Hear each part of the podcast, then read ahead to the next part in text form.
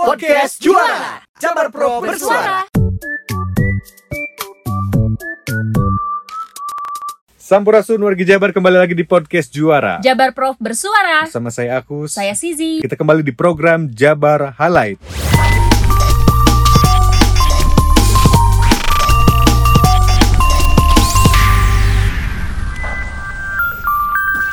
Dan hari ini kita akan merangkum berita satu pekan ke belakang yang kita ambil dari jabarprof.go.id. Dan berikut berita yang kita rangkum di Jabar Highlight minggu ini Sekda Jabar tekankan pentingnya sosialisasi dan edukasi sebelum vaksinasi COVID-19.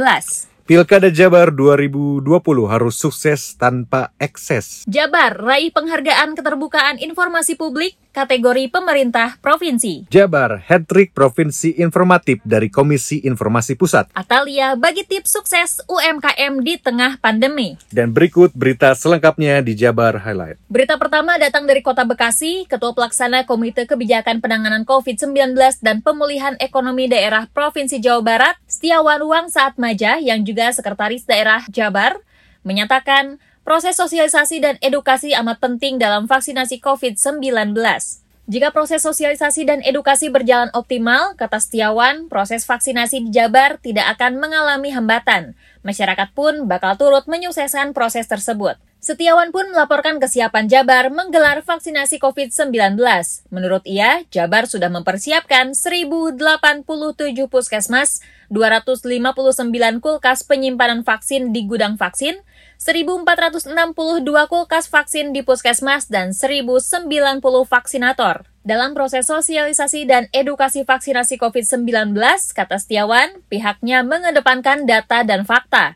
Selain itu, berorientasi pada hasil, pengelolaan mitra sosialisasi, dan informasi yang disampaikan kepada masyarakat. Berita kedua, datang dari Kabupaten Kuningan, Wakil Gubernur Jawa Barat UU Ruzanul Ulum mengharapkan pilkada sehat di 8 kabupaten kota yang menggelar pilkada serentak. Demikian dikatakan Kang UU yang juga Wakil Ketua Komite Kebijakan Penanganan COVID-19 dan Pemulihan Ekonomi Daerah Provinsi Jawa Barat saat menjadi narasumber webinar penegakan protokol kesehatan pada pilkada serentak tahun 2020.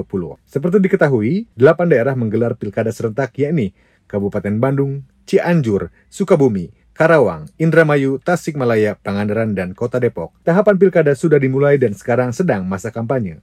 Sementara pencoblosan akan dilakukan 9 Desember 2020.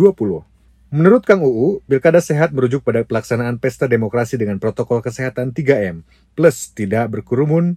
Menurut Kang UU, pilkada sehat merujuk pada pelaksanaan pesta demokrasi dengan protokol kesehatan 3M, plus tidak berkerumun di semua tahapan mulai dari proses administrasi, kampanye, masa tenang, pencoblosan, hingga penghitungan suara. Pilkada sehat juga berarti tidak terjadi klaster baru COVID-19 atau lonjakan penularan yang mencolok. Sosok yang juga Panglima Santri ini meminta kerjasama semua stakeholder, mulai dari peserta, penyelenggara, pengawas, partai politik, tim sukses, dan simpatisan, hingga Forkopimda.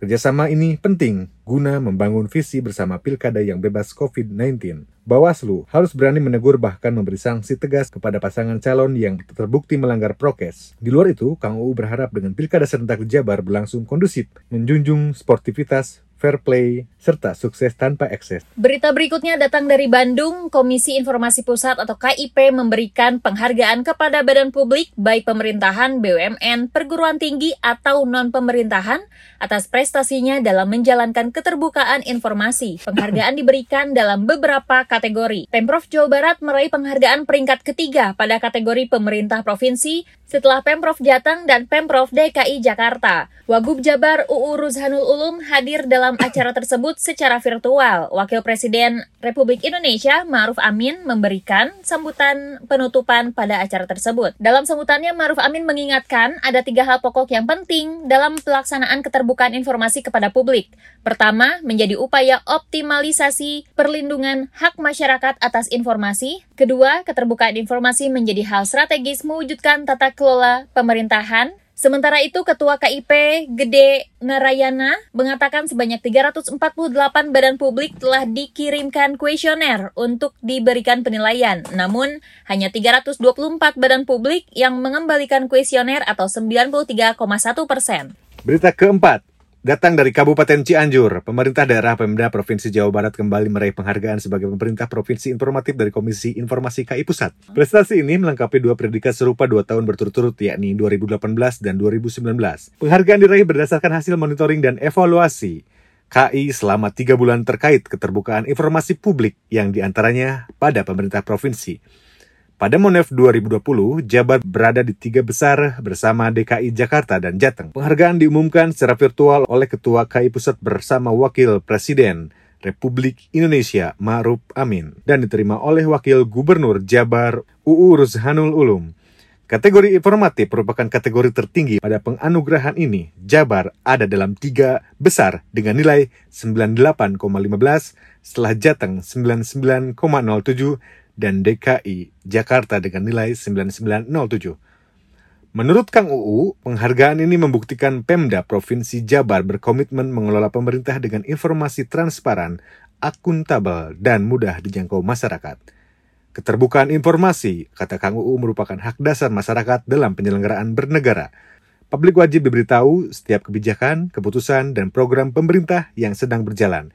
Semua prosesnya harus transparan, mulai dari legalitas, anggaran, pelaksanaan, hingga evaluasi. Berita terakhir datang dari Kota Bandung, para pelaku UMKM dapat mengambil peluang dari sektor kuliner dan pertanian yang terbukti meski pandemi.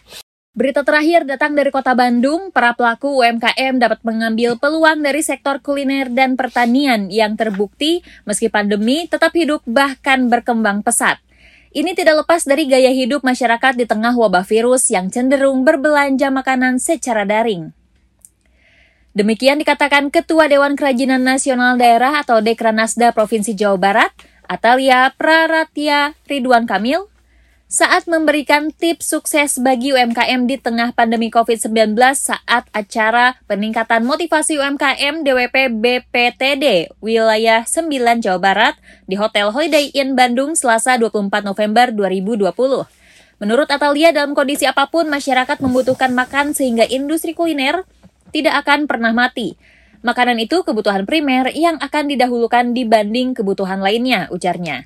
Selain kuliner, kata Atalia, bidang pertanian pun memiliki prospek cerah. Pandemi telah memunculkan budaya baru di masyarakat, yakni urban farming di mana orang sekarang lebih senang menghasilkan bahan makanan sendiri di rumah tanpa keluar rumah dan mengeluarkan uang belanja. Demikian warga Jabar untuk Jabar Highlight minggu ini. Jangan lupa untuk terus dengerin program Jabar Highlight di podcast Jabar Juara. Demikian warga Jabar, Jabar Highlight untuk minggu ini. Jangan lupa untuk terus dengerin program Jabar Highlight di podcast Juara di kanal kesayangan warga Jabar. Dan jangan lupa untuk selalu cek informasi terupdate di jabarprof.go.id. Saya Agus pamit. Saya Sizi pamit. Wassalamualaikum warahmatullahi, warahmatullahi wabarakatuh. wabarakatuh.